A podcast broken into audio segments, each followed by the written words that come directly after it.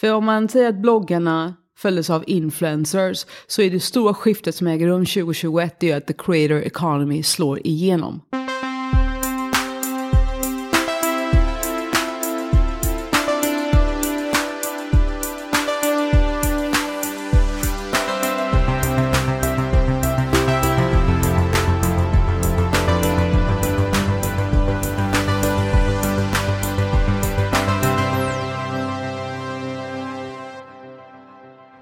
Välkommen tillbaka till Heja Framtiden. Podden med mig, Christian von Essen. Jag sitter i min kitchenstudio på Roslagsgatan 23 i Stockholm. Tillsammans med eh, Jacqueline Kothbauer. Välkommen till podden. Hej! Tack för att jag får komma. Eh, vi debatterade om det skulle vara Jacqueline eller Jackie. Lite olika. Du vet, enda anledningen till att jag kallas Jackie, det är ju varför jag kom på att ingen kan ju stava Jacqueline. Nej. Så det är liksom sån här Google-anpassning, man måste kunna googla mitt namn. Men annars hatar jag Jackie om jag ska vara helt ärlig. Ja, okej. Ja, för mig är det tvärtom. Jag heter Christian och alla tror att jag heter Christian. Det är vidrigt. Nej! Och du är svensk. Ja, Ja. och det går inte att stava sig fram till det. Liksom. Nej, utan det är bara... Ja, det är en liten Gilla förbannelse. Därför man startar podd, så man kan säga namnet ofta. Christian. Just det. Bra. Kul att du kunde komma hit. Eh, Du kallar dig ju för ehm, business futurist. Vad säger man? Företagsfuturist. Exakt. Affärsfuturist. Exakt. Vad skönt att någon har läst på vem man är innan man kommer hit. Det känns ju underbart. Ja, jag har inte läst på för mycket. men tillräckligt hoppas jag för att vi ska kunna ha ett samtal. Vad lägger du i eh, det begreppet? Jag hjälper företag att blicka in i framtiden och ofta så föreslår jag hur de skulle kunna te sig. Eh, jag tar ett snabbt exempel. Jag gjorde ett, eh, jag gjorde ett gig för Marbodal kök som är ett av de här klassiska fina svenska köksföretagen. Och eh, jag kom till dem efter att ha liksom gjort ett djupgräv kring vad som hände i den svenska köksmarknaden och inredningsmarknaden och upptäcker då snabbt att Ikea har tagit halva marknaden. Alltså 50% marknadsandel på 10 år. Och det gör ju att alla de här gamla företagen som har funnits i evighet och gör kvalitetskök, eh, de är ju livrädda och står funderar på vad är det som händer? Right? Eh, och då är ju frågan, när man tittar på dem så är de väldigt homogena. Eh, man, det bygger lite grann på att man har en villa, man har det hyggligt ställt, man investerar en halv miljon i ett kök. Den här villan, det ökar liksom marknadsvärdet på bostaden. Det ska vara en klassisk eh, svensk stil och, och samtidigt lite liksom eh, inspiration av att du har minsann varit i Italien och, och man gillar lite Mallorca och det, lite internationella inspiration, eh, inspiration men ändå rent klassiskt svenskt. Nu har ju då Sverige, om man tittar på hur befolkningen i Sverige har utvecklats, bara sedan millennieskiftet år 2000, så har ju befolkningen ökat med 25 procent. Och det är ju helt och hållet beroende på invandring. Eh, så om vi går från 8 till 10 miljoner människor så är det 2 miljoner människor som mer eller mindre har invandrat till Sverige. Och då måste ju reklam och produktutbud och prisnivåer och överhuvudtaget hela din affär måste ju anpassa sig efter frågan. Vill du ta marknadsandelar i det nya Sverige? Och i så fall, hur behöver hela ditt kunderbjudande se ut? Vem, och också identitet. För det var väl det första som bara slog mig när jag var inne på deras hemsida. Det här är ju bara vita Vasastans människor och härliga Brommavils eh, familjer liksom. Och det är av naturliga skäl så så tävlar de mot Ikea. Och Ikea är ju då ett globalt livsstilsföretag. Som eh, arbetar med alla coola influencers du kan tänka dig. Och som utan problem i sitt varumärke kan vara allting från liksom Svensson, billigt, bastu, liksom eh, Ullared. Till riktig klassisk italiensk, lite marmorinspirerad, vi som vill mer här i samhället som älskar pärleros och också vill ha en mallisvilla, right? Ikea kan få in allt det där i sitt varumärke. Och det gör ju det svårt för många företag för man lär sig att i dagens samhälle så måste man ändå vara tydlig. Det finns ett, en jättekonkurrens, många varumärken. Så hur ska vårt varumärke både vara smalt, tydligt och ha en tydlig fanbase. Samtidigt som man då har de här monsterföretagen som Amazon och Ikea och andra som lyckas vara så breda. Så vad jag hjälper företaget göra det är att navigera den här ganska krångliga framtiden Eh, och fundera på, men hur skulle ni kunna ta er till nästa steg? För att om ni ska växa 10, 20, 30 procent eller ens dubbla försäljningen, vad behöver ni göra med er själva då? Det är att vara affärsfuturist. Du eh, jobbar dels med föreläsningar och som konsult för företagen. Du har skrivit ett antal böcker. Du verkar väldigt intresserad av det här samspelet media, kommunikation, varumärke, försäljning. Hur eh, e-handel och gaming och mode och allting samspelar. Vad tycker du är mest intressant i den utvecklingen som vi går igenom just nu? Vi eh, har ända sedan Nick Leeson sprängde Barings Bank. Och om jag minns rätt så är det ungefär 1995.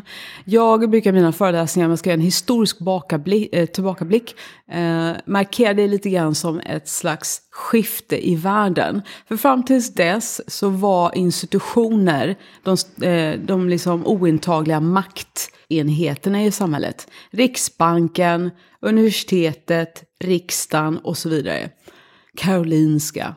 Men när en enskild anställd på ett företag lyckas hota hela företaget, och det är en av världens äldsta banker, det var liksom ganska unikt det han gjorde. Eh, det är ett första exempel på där individen utmanar institutionen. Vad var det han gjorde exakt då? Jo, han eh, överträdde sina befogenheter och eh, gjorde egentligen, för han var ju trader, alltså börshandlare. Och han gjorde alldeles för stora affärer, tog alldeles för stora risker och egentligen struntade i de regler som fanns eh, och gjorde det i smyg och lyckades, för banken hade inte tillräckligt bra säkerhetsrutiner. Så det var ingen som upptäckte honom. Eh, och därmed så lyckades han utsätta banken. Han gjorde affärer som gick i kras. De gick inte i lås, de gick i kras. Och därmed så förlorade banken enorma pengar. Och han höll på med det ganska länge innan det uppdagades. Och då var ju förlusterna var enorma. Och det beror ju på optionshandeln. Och det betyder också att börsen och hur börsen eh, har förändrats också under den här perioden, de senaste 20-30 åren, är att man kan ta mycket större risker på börsen idag än man kunde förr när man bara kunde köpa och sälja en aktie. Och det beror ju på det vi kallar optionshandeln bland annat. Right?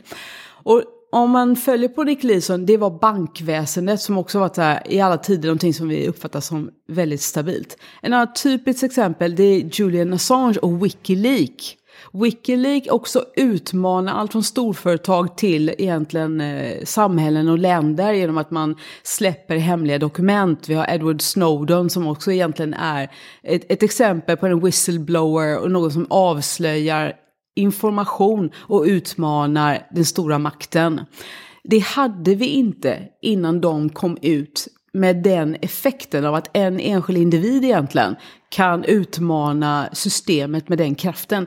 Och allt sedan dess så har det bara accelererat och accelererat. Sen kom sociala medier. Man tänker inte på det, men jag kommer ihåg när jag skrev min första bok Media Babe om bloggtjejerna som så småningom blev Isabella Lövengrip och Kinsa och liksom hela den här eh, Bianca Ingrosso och så vidare. Det är ju mängder som har kommit. Och jag beskrev ju dem som, det här är de nya mediekanalerna och det här är liksom det nya mediasamhället.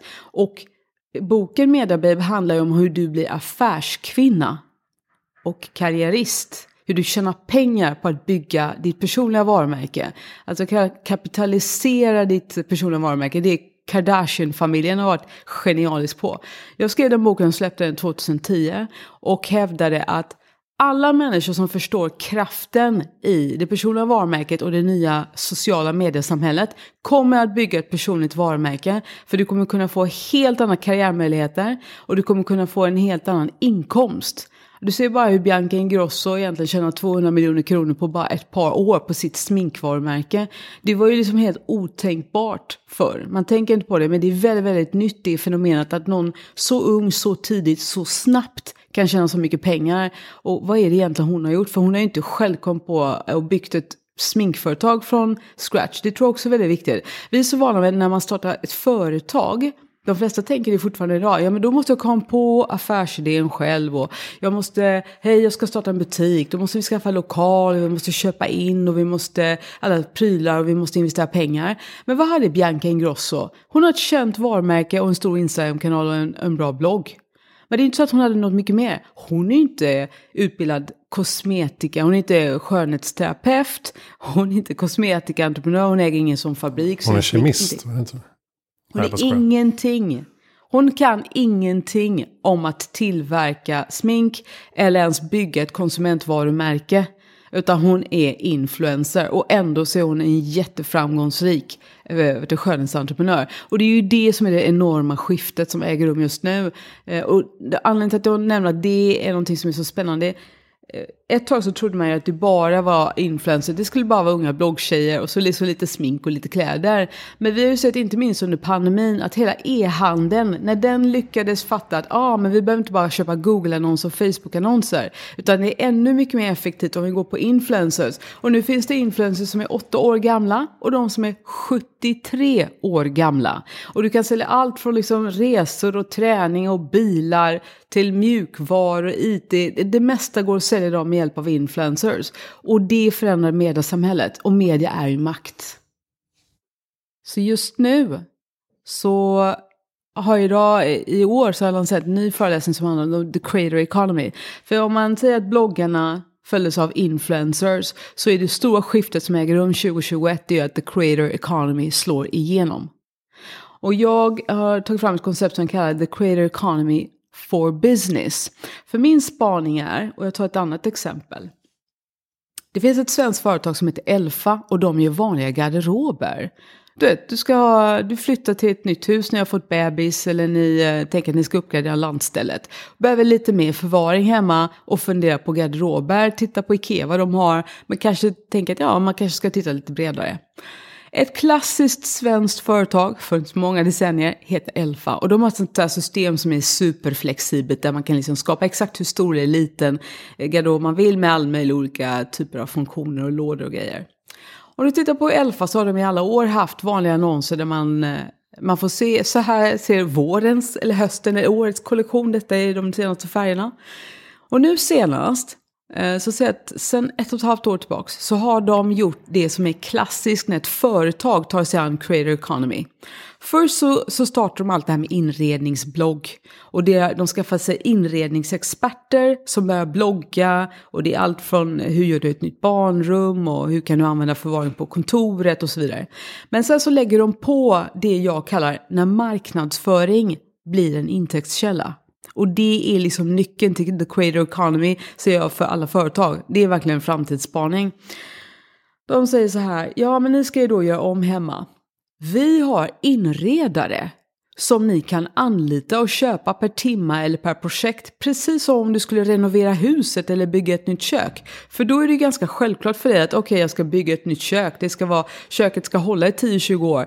Du lägger mycket pengar och du har hantverkare och allt. Men det finns ju ingen människa som har köpt nya garderober till sovrummet som har anlitat en inredare och lägger pengar på sånt. Det är ett helt nytt fenomen. Vi kommer se alla inredningsföretag. Vi kommer se allt från Åhléns och Jotex och liknande. De kommer skapa mängder av tjänster där du egentligen tar hjälp av en hem-PT eller en inrednings-PT. Allt det här. Och det PT-samhället håller på att invadera Sverige. Och det är egentligen the creator economy men för ett vanligt företag. För men Elfa kan ju garderober och inredning. Och då tänker de, de har en produkt. Men hur gör de det till en tjänst som de kan sälja till dig? Och då behöver de ju inredare. Som på något sätt bara tar med sig garderoberna på ryggen eller på att säga. Men hur du egentligen köper det, det är ju en inredningstjänst. Mm. Ikea har samma sak. Exakt. För företag. Nu kommer, in, kommer inredare till kontoret och bestämmer färgpalett och allting. Det är, det är inte så många som känner till det, men det är också en ganska stor tjänst. Eh, för transparens ska jag säga att jag faktiskt är med i Elfas. De har också ett projekt som heter ehm, Studio Elfa. Alltså där de har experter som pratar framtid och förvaring och sånt. Där är jag med i, på ett hörn och blir filmad. Pratar om eh, uh, postpandemi-framtiden eh, och hur, vi, hur det påverkar förvaring och så vidare. Så det är exakt det. Och det, och det är bara ett det är ett medie, eh, medieplattform för business to business-kunderna. För att få butikerna och inredarna och hantverkarna att förstå att det här är framtiden. Ja, så det ligger precis i linje med det du säger. Jag tycker det var så intressant att Ikea driver fram för man, om man tittar tillbaka historiskt hur Ikea påverkat Sverige. För det är ju ett företag precis som Volvo förändrar hela Sverige. Ikea förändrar Sverige. H&M förändrar Sverige. Kommer ihåg när Ikea bestämde sig för att de skulle satsa på PS Collection, alltså svenska formgivare. Istället för att allting köptes billigt från Polen och det, Asien. Och då får ju hela inredningssverige plötsligt liksom ett ryck när, när Ikea sett liksom nya designstandards och allt ska bli smalt och skandinaviskt och minimalistiskt och snyggt. Right? Det är nästan som att de uppfostrar Svensson till hur ska det se ut hemma? För det, och då kom alla inredningsprogram på tv med room service och liknande. Och nu när man tittar på under pandemin så kan man ju också se att inredningen är ju det som i detaljhandeln som har gått tror jag, nästan bäst. Bygghandeln och inredning har gått fantastiskt bra. Och nu tack vare pandemin med work from home, att det kommer fortsätta, så inser man, eh, för det var också någonting jag funderade på, Eh, var det bara tillfälligt eller kommer vi fortsätta att satsa jättemycket på hemmet? Jo, eh, work from home, för att ta en ny eh, framtidsspaning. Jag stod och funderade på, när jag tittade lite grann på hur siffrorna ser ut, var någonstans i världen kommer det att bli störst? För det är en av de saker som man tittar på. Och jag skulle säga att Sverige och Skandinavien, tack vare klimatet, du står på stationen och väntar på en buss eller ett tåg, klockan är halv åtta och det är februari det är kallt och det är försenat. Och då kan du stå och fundera på om du också i framtiden kommer stå där fem dagar i veckan eller om du tänker oh, vad skönt, jag tar nog att jobba hemifrån idag. Eh, och den möjligheten finns nu, den fanns inte ens förr. Utan då stod du där och frös ihjäl. Nu kan du alltid varenda morgon stå och fundera på, ska jag till kontoret så här många gånger i veckan eller inte? Så att ett, vi har ett klimat som gynnar att work from home. Två, vi har en bostadsstandard. Vi bor ganska stort och vi har ganska hög standard. Om man bara jämför med Storbritannien eller södra delar av Europa och andra delar av världen så har ju liksom Skandinavien bostadsstandard i världsklass. Och sen är vi hur digitala och uppkopplade och stor-tv och allt vad det är frågan om. Right? Så vi har ju de optimala förutsättningarna för att work from home ska kunna bli hur stort som helst. Så jag är jag är väldigt positiv till den trenden. Och sen lägger du till den sista ändå nyckelfaktorn vi har starka fackföreningar och någon slags ganska platta organisationer och liksom medarbetarens välbefinnande och hälsa. Och man får vara med och bestämma och tycka till och man har medarbetarundersökningar och allt det där. Så att man bryr sig från arbetsgivarens håll om hur personalen mår och att de ska trivas. Och det finns dessutom en viss Eh, krig om de bästa talangerna, inte minst som har tech-bakgrund etc. Och sen så har vi en åldrande befolkning, så det finns så lite för lite människor på arbetsmarknaden som är högutbildade inom vissa områden. Så allt det där gör ju att arbetsgivaren är måna om att gå arbetstagarna till mötes och därför kommer det här med work from home vara en av de stora, vi kommer vara ett av de ställen i världen där den trenden får bäst skjuts i min spaning. Mm, att man kanske kör eh, två dagar i veckan på kontoret eller liknande. Att man går över till en hybridlösning. Absolut hybridlösning. Mm. Du var med i eh, podden Under 15 med Henrik Smålak för ett par år sedan. Pratade mycket om självledarskap. Och eh, att vi kommer behöva ta allt mer eget ansvar. Eh, även i karriär och kompetensutveckling och så vidare. Och just att det här personliga varumärket kommer bara att bli mer och mer viktigt. Ja. Samtidigt så såg jag någonstans att du, du skrev att vi kanske, eller du antydde att vi kanske var lite trötta på det här superautentiska och sårbara och ärliga. Att vi vill ha framgång, vi vill ha eh, förebilder. Hur ser du på den, eh, liksom, den balansen? Vi har haft en eh, Kardashian-era i sociala medier i nästan tio år. Och just nu ser jag Carolina Gynning i någon ny eh, tv-serie. Och hon är, tycker jag, ett jättebra svenskt exempel på det här där allting är lite till, det är lite retusch och det är väldigt mycket smink och ja men du vet, det är lite larger than life. Eh, så låt säga att det finns eh, naturligtvis även stänk av det här i Sverige. Bloggare och Isabella Löwengrip är ett jättebra exempel på det. Liksom allting är framgångsrikt och fantastiskt på något plan. Så om vi har haft det och det har varit väldigt, väldigt stort i tio år. Så alltid när en trend någonstans börjar nå sitt, eh, sitt maximum, sin peak, så kommer ju också en mottrend.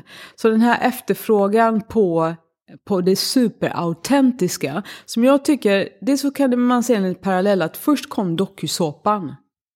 Eller hur? Mm. Med allt från eh, Bonde söker fru och Robinson och allt vad det heter. Och där kan man säga att på ett plan så uppfattar vi det som väldigt autentisk. Men jag var själv med i en dokusåpa som bygger på Donald Trumps The Apprentice. Som nu för övrigt kommer spelas Ja, in en, en ny version med Gunilla... Från Platen. Från Platen, exakt. Den kommer, eh, ja, det kommer ett nytt gäng som kör den. Eh, och då om man har varit med i en dokusåpa så är man medveten om att alla scener är, har ett manus och är planerade. Så att det som du som tittare uppfattar som väldigt spontant och väldigt autentiskt och ärligt är i själva verket iscensatt. Mm. Men dokusåpan, baren, eh, står på när den kom, den kom i millennieskiftet om jag minns det rätt, år 2000. Ja, någonstans där kring Big Brother också. Ja, precis. Big Brother, baren och första liksom dokusåporna.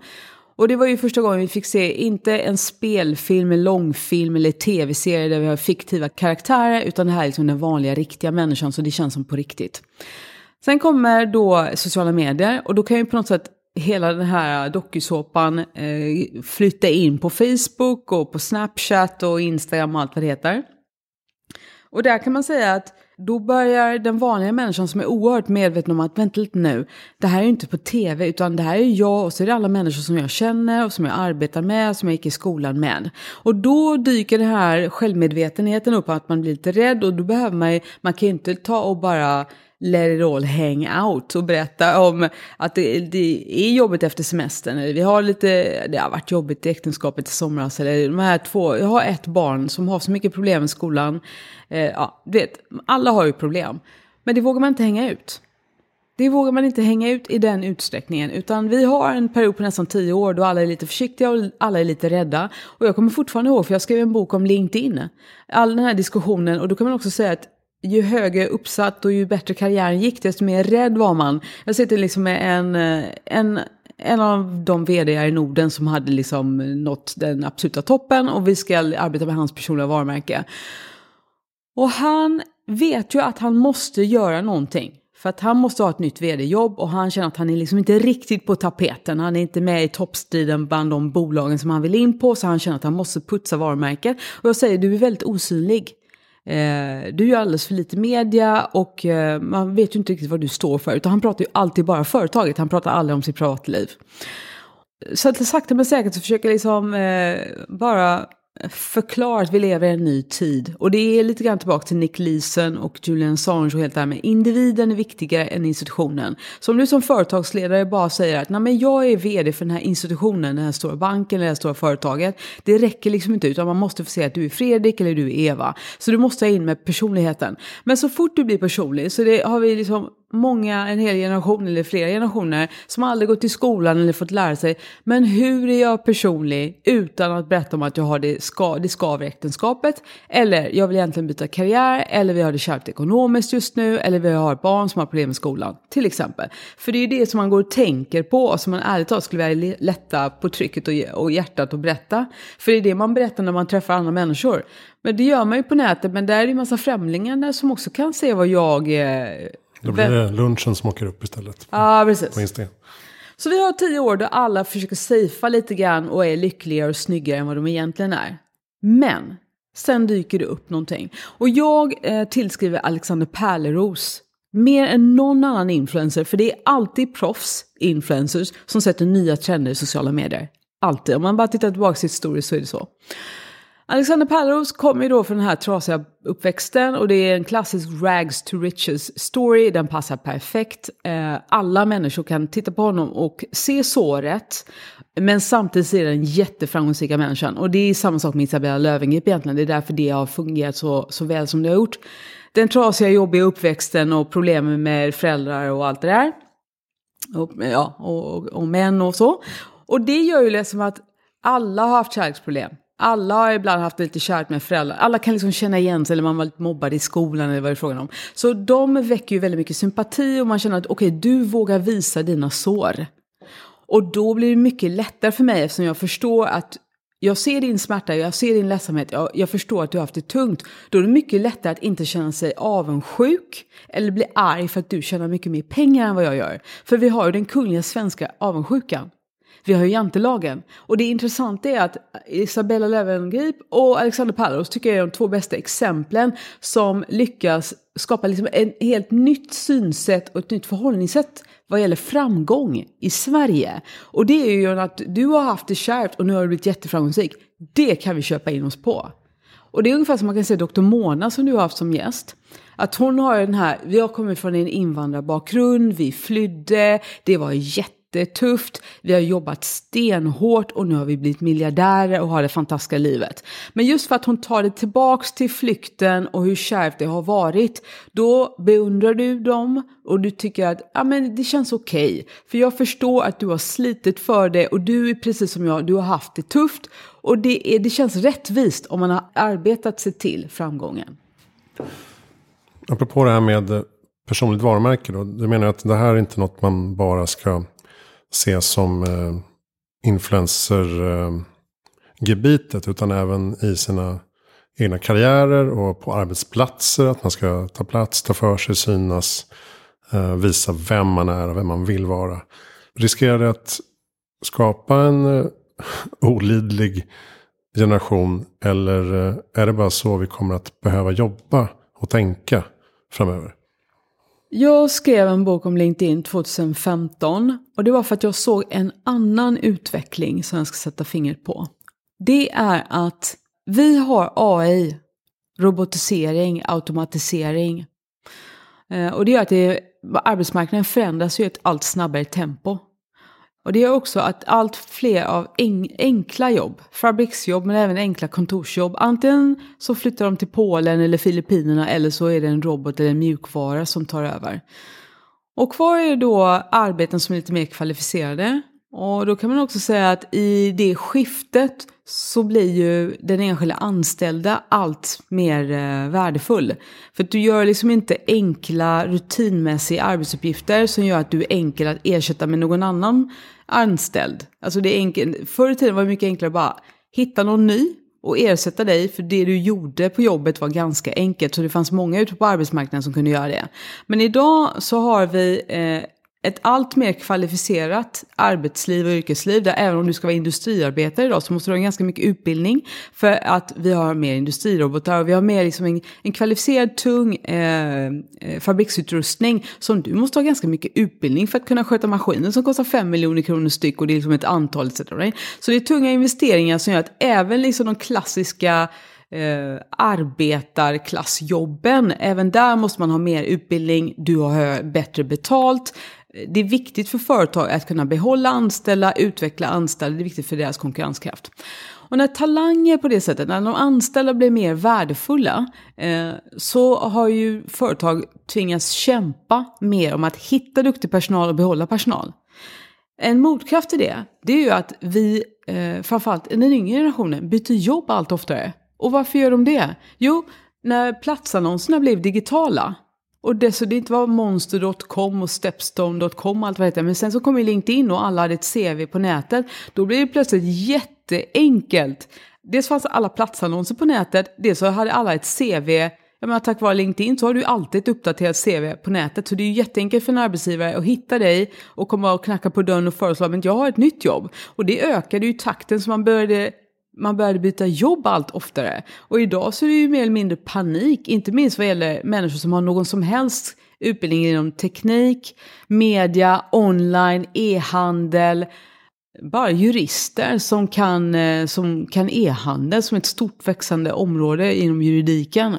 Det, alltså, det är fortfarande liksom en enorm bristvara. Och det gör att företag idag behöver kunna hitta personal och eh, behålla personal och det är en väldigt mycket mer, liksom, det är en, eh, en riskfaktor. Det är svårare och tuffare. Varför är detta viktigt? Jo, för att en annan sak som då har hänt när, man, eh, när, när personalen blir så här viktig, det är att man börjat inse, ja men vet du vad, det är vi, eh, vår personal, om det är någon som skulle kunna hjälpa oss att kunna rekrytera nya medarbetare så är det vår personal. För låt säga att jag utbildar mig till läkare eller jag har gått ekonomlinjen. Då känner jag ju en massa andra läkare som också gått läkarlinjen. Jag känner en massa andra ekonomer som också har gått ekonomlinjen. Så om du har ett jobb så känner ju du oftast många människor som har samma typ av utbildning och samma typ av jobb som du har. Så då går ju arbetsgivarna till sina medarbetare och säger Hej! Snälla, vi behöver nya medarbetare. Var gärna med och hjälp oss att rekrytera dem. Jag har arbetat mycket med tech och it-industrin i många år och där har man ju rekryteringsbonus. Så om jag hjälper företaget att hitta den här nya it-support-tekniken som behövs så kanske jag får 5 000 extra i lönekuvert nästa månad.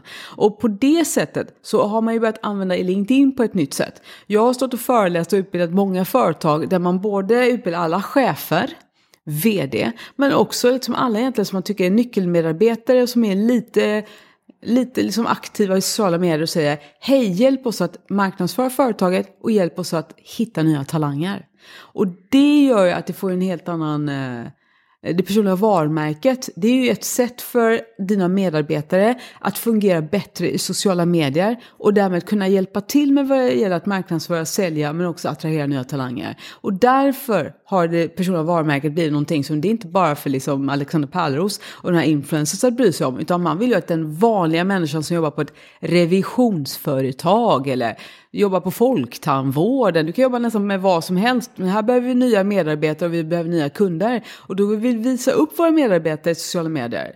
Och då får ju de gärna kunna lite baskunskaper i hur bygger ett personligt varumärke. För du får mycket bättre effekt och kommunikation. Du connectar bättre med människor då. Det här tycker jag också är intressant om man diskuterar the creator economy för individen och jämför med influencer. För jag tycker att den eh, tror jag fortfarande många människor är o, eh, inte riktigt har hundra, hundra koll på vad är egentligen skillnaden mellan en influencer och en creator. En influencer är en mediekanal på samma sätt som Aftonbladet eller TV4 eller eh, Damernas Värld.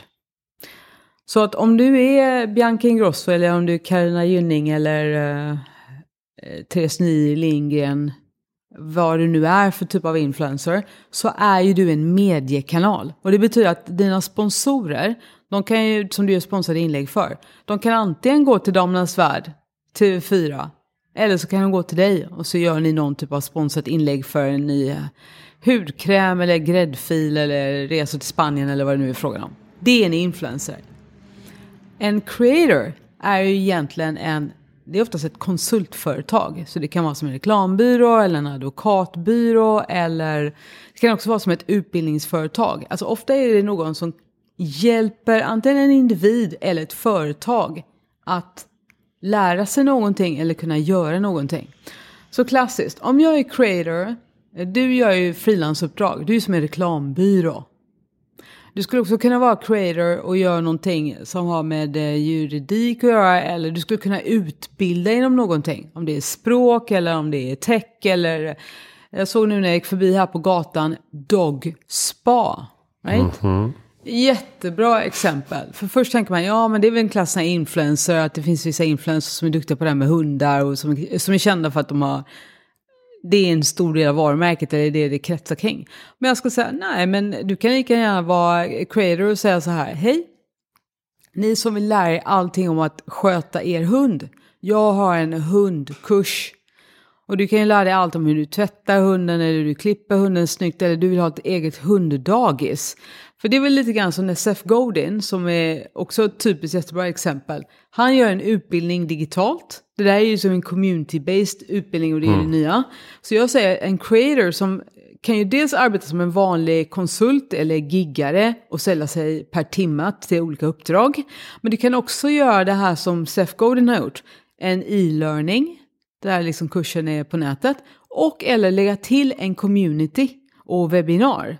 Och när du förstår den ekonomin som creator, där finns ju en enorm möjlighet, inte minst tack vare pandemin, att alla har lärt sig att gå kurser och vara med i alla kvinnliga nätverk, chefsnätverk och entreprenörsnätverk. Allting finns ju på nätet idag. Så som creator så har du ju ofta någon typ av kunskap Du kan entreprenörskap eller eh, reklam eller eh, media eller juridik eller resor eller vad det nu än är, mat, vad vet jag. Du kan någonting och du kan lära ut det till någon annan. Och oftast idag när vi är med i en community, för det måste vi också beröra, det är en gigantisk trend.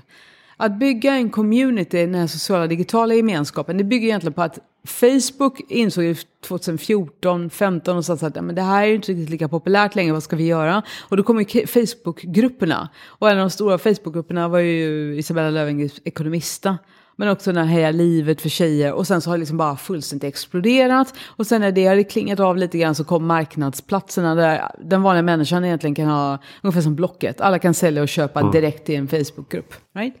De två trenderna, att man har liksom en grupp med hej vi tycker alla om mat. Eller hej vi, du köper och säljer dina prylar. De två sakerna kommer idag läggas in i nästan alla konsumentvaruföretag kommer starta egna communities.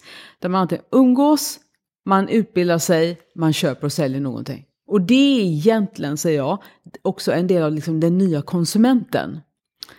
Eh, jag är rådgivare till ett företag, ett startup. Och då sa jag så här till dem, ja men det är liksom spännande, ni har ju en vanlig klassisk e-handel. Hur kan ni ta och växa och ta det här till the next level? Och då sa jag att eh, på något sätt så skulle ni kunna, lite grann som det här Elfa garderobsföretaget, också börja stå och fundera på hur kan ni utbilda kunden eller hjälpa kunden att på något sätt ha nytta av eh, era produkter i sitt hem eller på kontoret eller vad man nu använder det här. Och det är, det är någonting helt annat än att bara, hej här, du kommer in i butiken och så kan du klicka på det du vill ha, lägga det i varukorgen, betala och så skickar vi varorna hem. Det är någonting helt annat att lägga till faktiskt att vi har rådgivning. Eller vi har en hel community där alla kunder kan komma in och ni kan umgås och vi har så här klasser där man kan gå och lära sig och utbilda sig varje vecka vecka. Det är nästan som att ha liksom ett medlemskap på Friskis och Svettis, liksom att man kan komma dit och så har de ett antal klasser och man kan lära sig och utbilda sig. Men man kan också träffa andra som också är intresserade av vad det nu än är frågan om. Byggnadsvård eller du vet. Mm. Det där kommer, det är så mycket konsumentföretag som kommer göra den resan att se till att kunden är liksom superlojal, tar med sina kompisar och, där, och också sen så blir den nya konsumenten. Så konsumenten är med och produktutvecklar. Jag tycker ni borde ta fram de här produkterna. Men också som det här företaget som jag ger dem råd. Ni har en plattform som är väldigt mycket liksom kreativitet, eh, kreativa, lite, lite inredningsorienterade produkter. Varför tar ni inte och hjälper kunden? För det är ju massa människor som eh, gör allt syr, målar, eh, skulle vilja inreda hemma. Kanske skulle till och med vilja köpa och sälja. Eh, bara alla som är så här lite loppisfanatiker, varför tar ni inte och hjälper dem att egentligen bli duktigare på att köpa och sälja och göra det som en liten mini-extra-business? För det här med ett side-hustle, som är liksom en ny eh, millennieklassiker. Eh, ja, men vad är, som vad är det som krävs för att hjälpa din kund att bli en mikroentreprenör? Det är en megatrend som jag ser liksom ofta hur kan ni hjälpa era kunder att tjäna pengar genom att hänga hos er i era forum, i er plattform?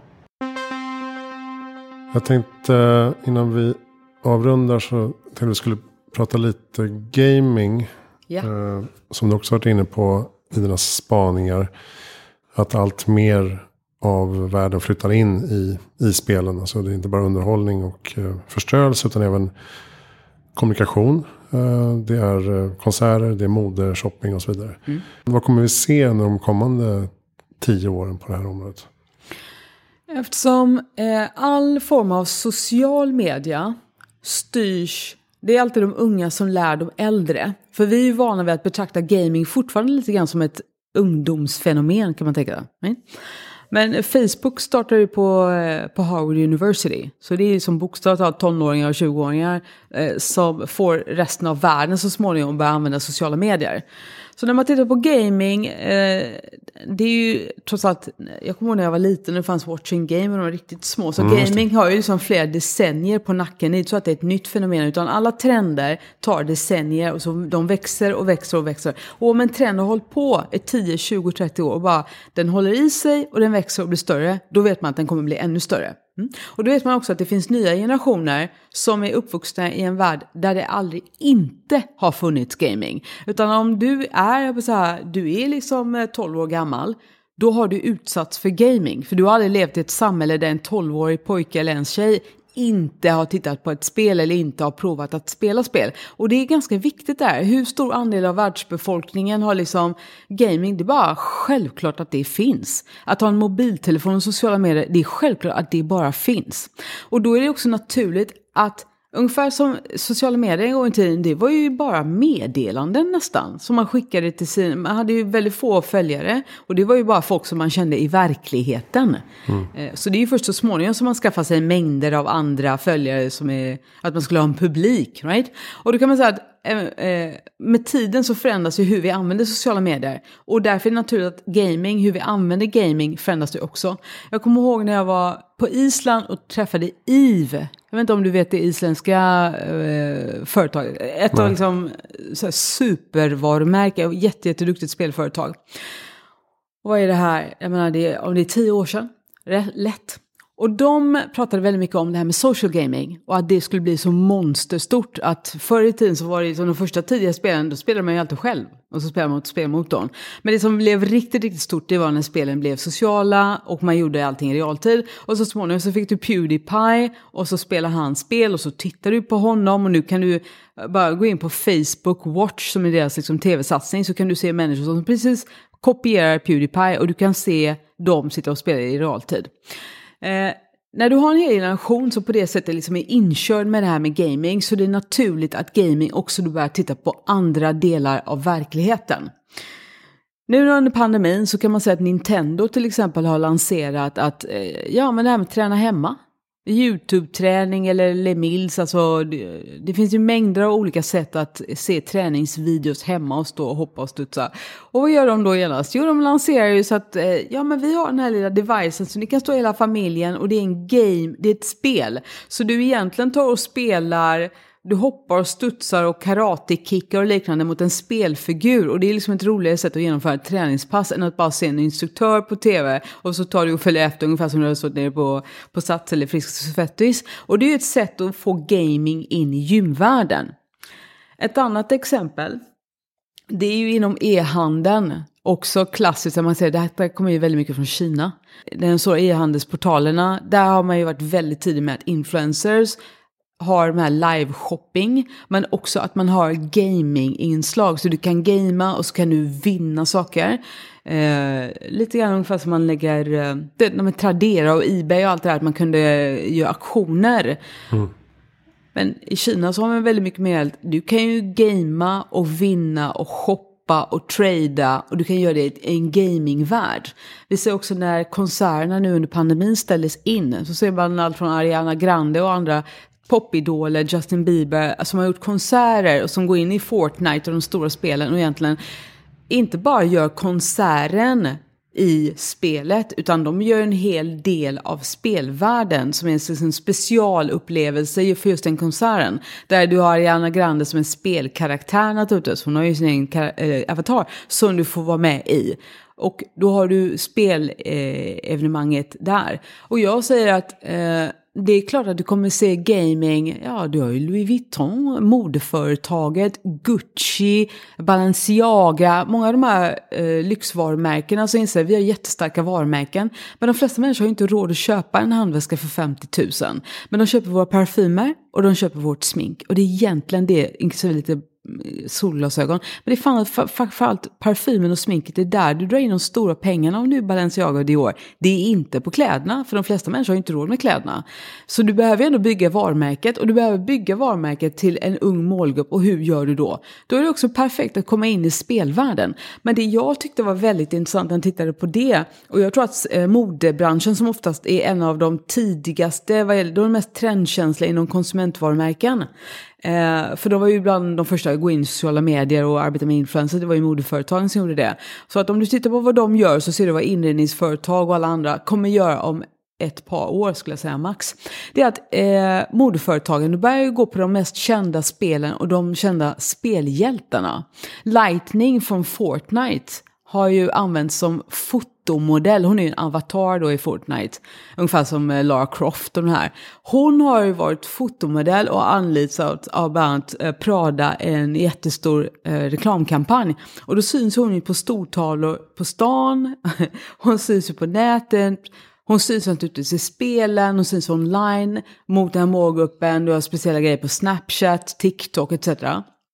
Och det intressanta där, det är ju en sak att använda henne som en fotomodell. Men det är ännu mer intressant när till exempel Gucci gör en digital handväska för ett spel. För i spel så kan du ju vanligtvis köpa massa saker för att du ska bygga det här fantastiska fortet och du ska utveckla dina avatarer så de har fantastisk utrustning och svärd och allt vad det är. Och då har eh, modeföretagen insett, ja men nu är det mer och mer tjejer som spelar spel. Varför kan inte vi ta en del av våra mode produkter, som till exempel en handväska, och sätta dem i ett spel. Och det mest fantastiska var att Gucci har gjort den här handväskan som, där, den är limited edition i spelet, så det finns bara ett visst antal. Den är dyrare, den digitala handväskan i spelet, än vad handväskan är i butiken, den fysiska. Så butik, alltså, handväskan i butiken kostar 4 166 dollar. Handväskan i spelet kostar 4 622 dollar. Vid exakt samma tidpunkt. Och det var så fascinerande när någon lade ut en tweet på detta och bara sa, men vänta lite nu, hur är detta möjligt? Jag menar den här digitala handväskan den kan ju bara användas i spelet. Och ja, det finns ju bara sådana här, och det finns ju en andrahandsmarknad för alla de här spelprodukterna, eller de digitala, jag vet inte vad ens man säger, digitala sakerna i produkten. För det är också jättespännande. Lite grann som en del av krypto... Skins. Ja, men du kan också se kryptokonsten som kommer nu med non-fungible tokens, NFT, mm. de här digital collectibles. Så jag satt och lyssnade senast igår på en, eh, vad var det, jo det var ett amerikanskt företag som gör det här med i USA så är det fortfarande jättestort på att man samlar på kort på jättekända fotbollsspelare, basketbollspelare och liknande. Mm. Och intressant nu under pandemin när alla har suttit hemma och tittat på så mycket spel och Netflix som man svimmar. Så har ju det samlarföretaget Alltså det har ju bara rusat i höjden. Så folk har liksom samlat på bokmärken och frimärken och spelarkort och allt vad man hållit på. Hobbys har blivit superstort. Så de sa det här företaget har aldrig haft större försäljning än vad de har haft nu av sina fysiska kort. Men de har också börjat göra digitala kort som du köper och laddar ner till din mobiltelefon. Och där kan du köpa nya kort på din favoritspelare varje vecka. Och det är typiska NFTs. Och där ser man ju också att precis som de vanliga samlarkorten som du kan köpa och sälja de digitala korten kan du också köpa och sälja. Och det är ju superintressant den utvecklingen. Och då kan du se, då, det är en viss typ av konsumentföretag och sen så har du modeföretagen. Och det intressanta med detta är att vi då får en konsumtion som är digital. Du får en generation som väljer som vänjer sig vid att istället för att automatiskt gå ner och köpa ett par nya par jeans fysiskt eller ett par sneakers Tänk då att det går 10 000 liter vatten för att producera ett enda par jeans. Man miljö, Greta Thunberg, ring! Någon gör något. Jo, men istället så kan jag faktiskt köpa ett par supersnygga Chanel jeans i ett spel och sen sälja dem och tjäna på mellanhand. För den som köpte den här Gucci-väskan först betalade ju inte 4 600 dollar för den, utan den har ökat i pris. Och det är det jag menar med att konsumenten blir mikroentreprenör. Och spelvärlden och gamingvärlden, där är det ju busenkelt att köpa och sälja och köpa och sälja. För spelvärlden har ju det inbyggt sen så många år. Så du har ju det här köpsäljandet, entreprenörskapet, det är ju så naturligt för publiken och för liksom konsumenten. Och det är därför jag säger att det kommer påverka, nu har vi liksom att Naked, det här nya H&M, det unga modeföretaget, de säger, ja men det är klart, du behöver inte bara köpa en ny jacka hos oss, du kan ju sälja din gamla jacka och få en värdecheck och så kan du köpa en ny jacka. För de vet ju att de har nästan bara tonåringar som kunder. De tonåringarna är ju helt inne i det här med köpa och sälja. Och då är det självklart att de kan ju komma med sin jacka, ladda upp, ta en bild med mobilen, ladda upp det på sitt konto och sälja jackan och så köper de en ny. Mm. Det är den nya konsumenten. Det är apropå spel också, det är ju där man vill framförallt befästa sin identitet. Exakt. Det är där är extra viktigt kanske. Ja. Men jag tyckte också det var spännande för det finns ju en mot, eh, inte, en mottrend men lite grann.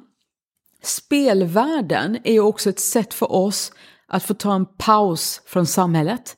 Ta en paus från kravet på att vara ung, snygg, cool, populär, häftig, alltid liksom glad, happy etc. Right? jag vilar ju lite grann från verkligheten när jag går in i den här fantasivärlden som är spel. Och då när den här vanliga status, socialt, man ska vara snygg, för det är ju ändå det vi förknippar Dior och Balenciaga och mode och fashion och allt det här, man ska vara den perfekta människan.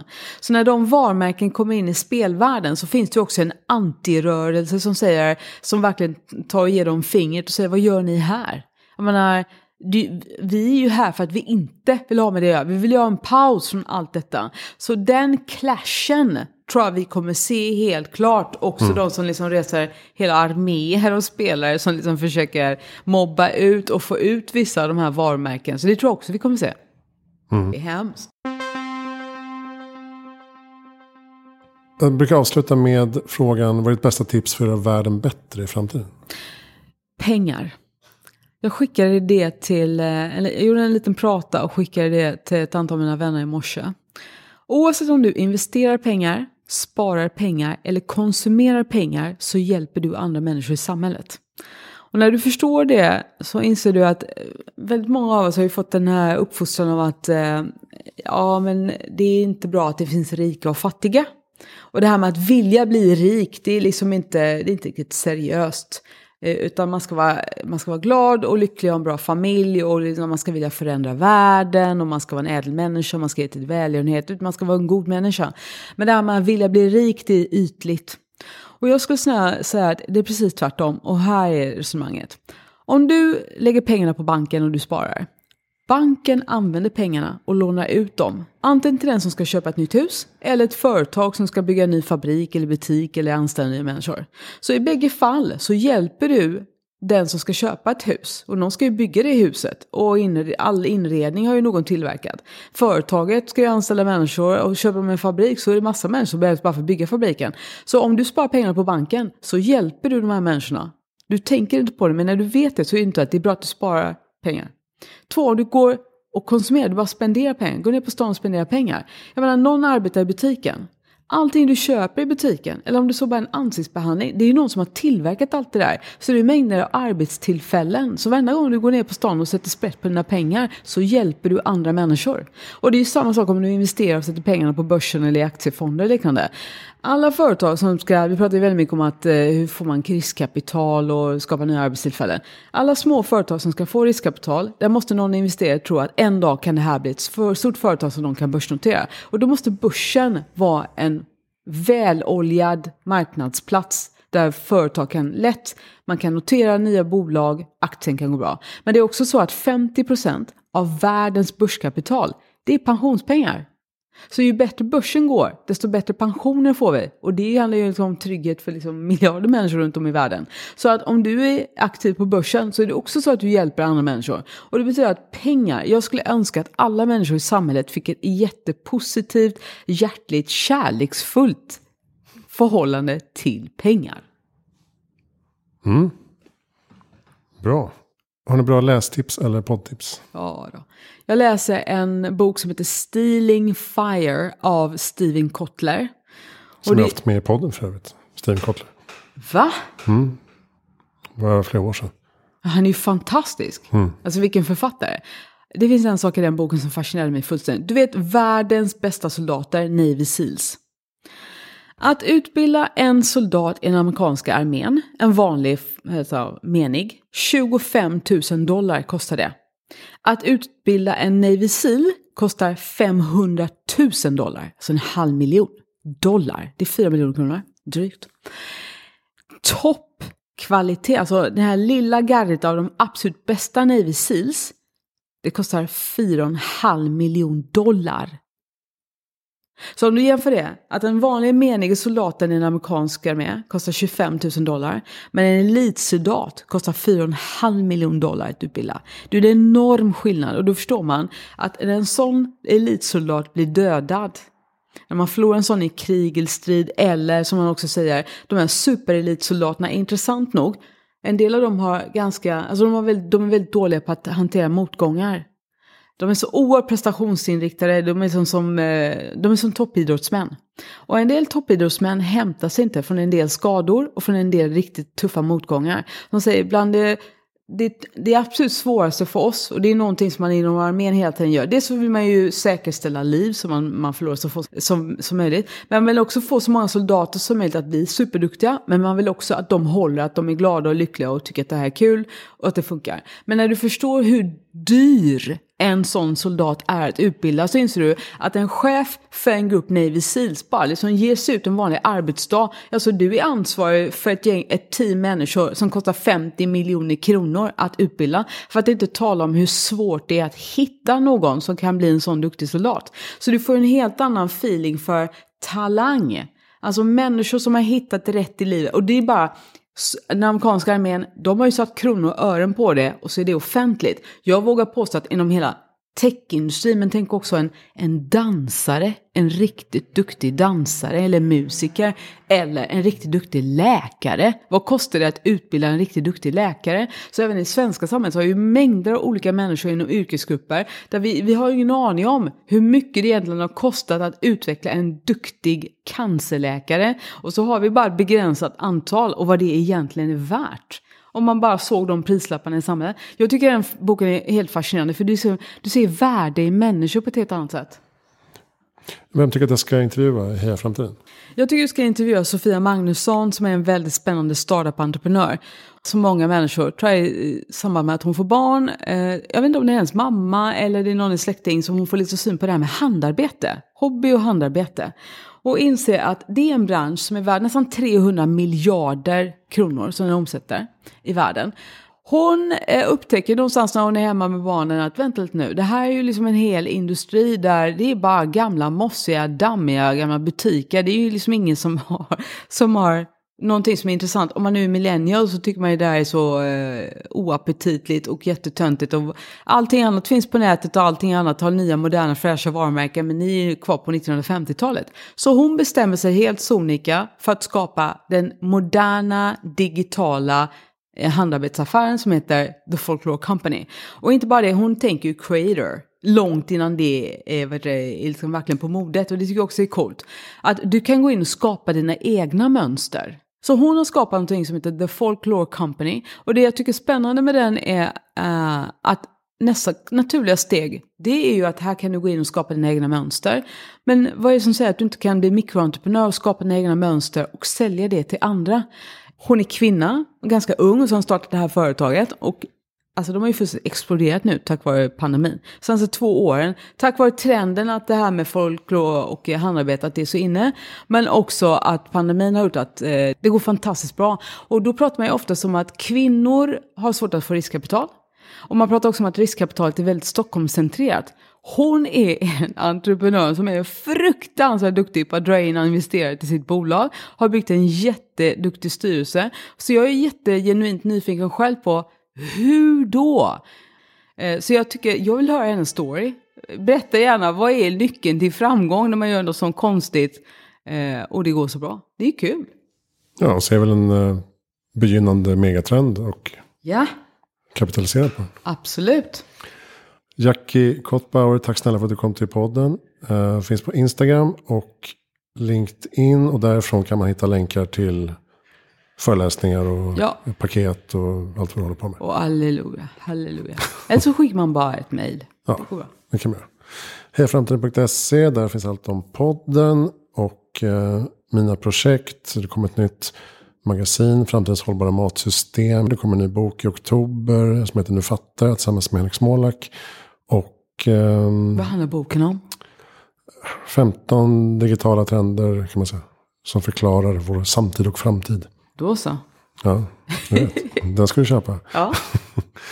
Eh, jag heter Christian von Essen. Tack snälla för att du lyssnar på Heja Framtiden. Tack.